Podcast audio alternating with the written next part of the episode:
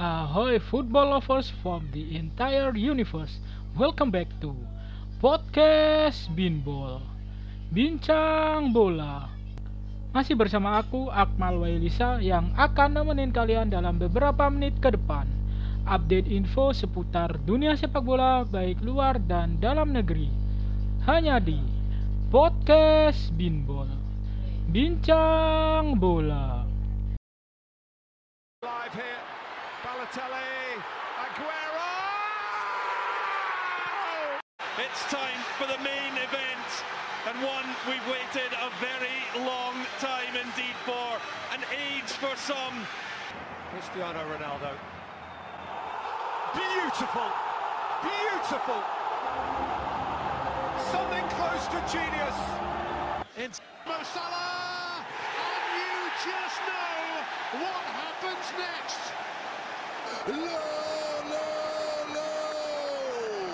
This is not just a dream, it's a wet dream of orgasmic proportions.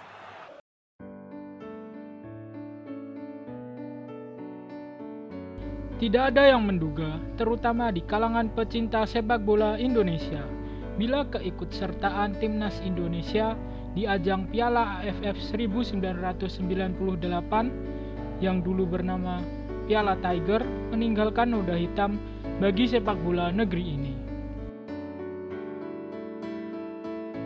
Mungkin masih banyak di antara pendengar podcast ini yang ingat kejadian Piala Tiger 1998 ini.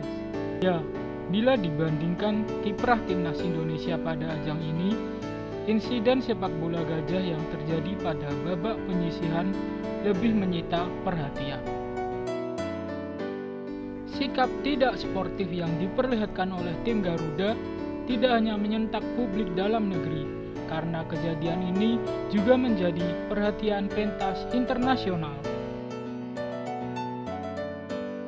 Kejadian bermula ketika Indonesia tergabung di grup A bersama Thailand, Myanmar, dan Filipina.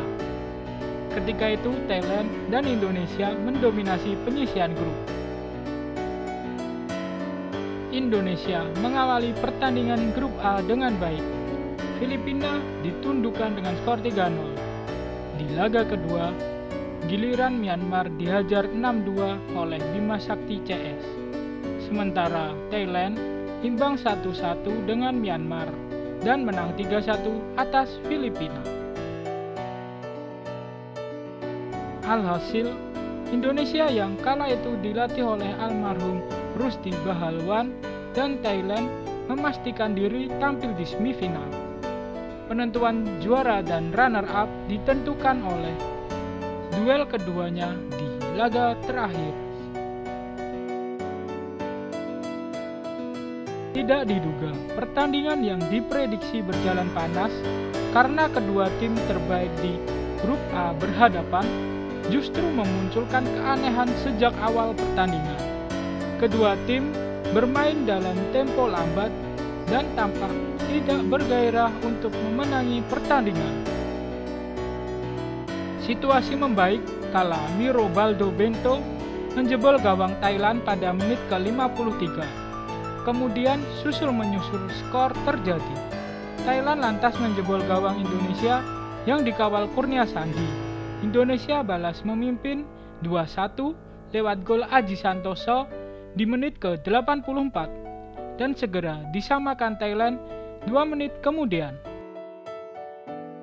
Di penghujung waktu normal, kejadian menyesakan terjadi. Ialah Mursid Effendi sebagai pelaku gol bunuh diri di menit ke-90 dan membuat Indonesia kalah dengan skor 2-3. Gol bunuh diri itu tidak hanya mengagetkan penonton di Stadion Tong Nhat Ho Chi Minh, Vietnam, namun juga supporter setia Indonesia yang berada di tanah air, menyaksikan siaran langsung lewat layar kaca.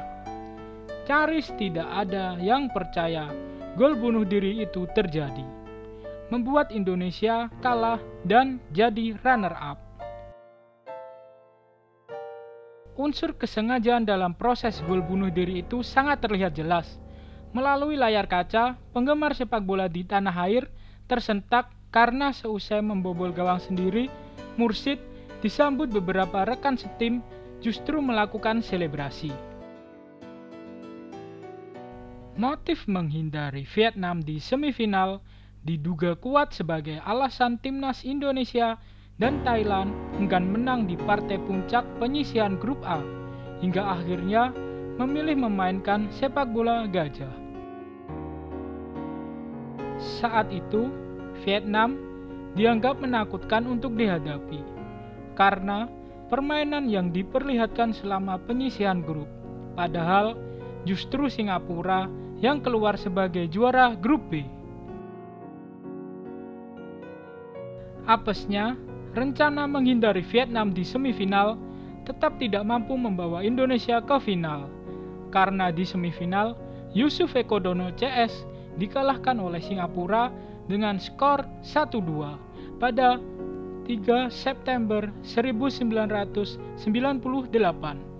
Sama seperti Indonesia, Thailand juga menyerah dengan skor 0-3 dari Vietnam.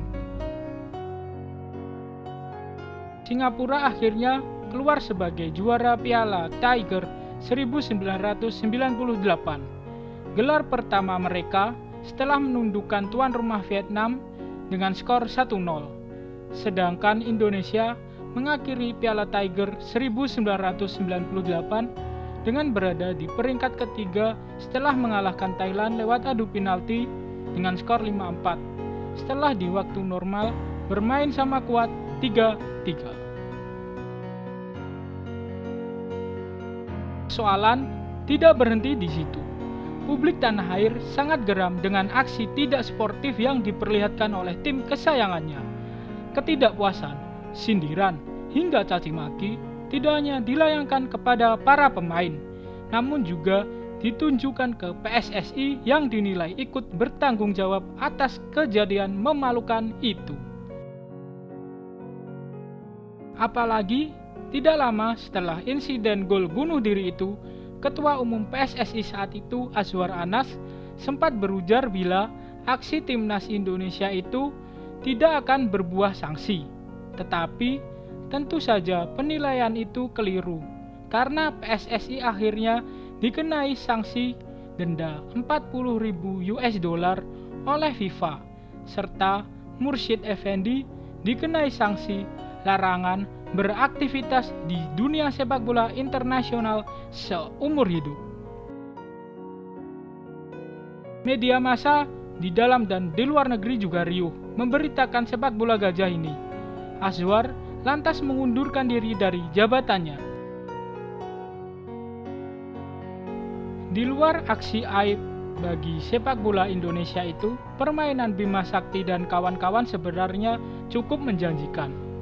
Itulah mengapa hingga kini banyak yang menyayangkan ketidakpercayaan diri timnas Indonesia, hingga terpaksa menempuh jalan pintas demi menghindari Vietnam. Dari 20 pemain yang dibawa Rusdi Bahalwan, didominasi pemain Persebaya, sehingga kala itu sempat ada ungkapan timnas rasa Persebaya.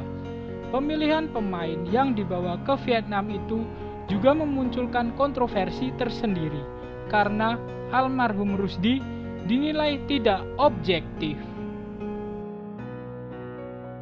Selain sang pelatih Rusdi Bahalwan, ada sembilan pemain tim bajul ijo di skuad Garuda.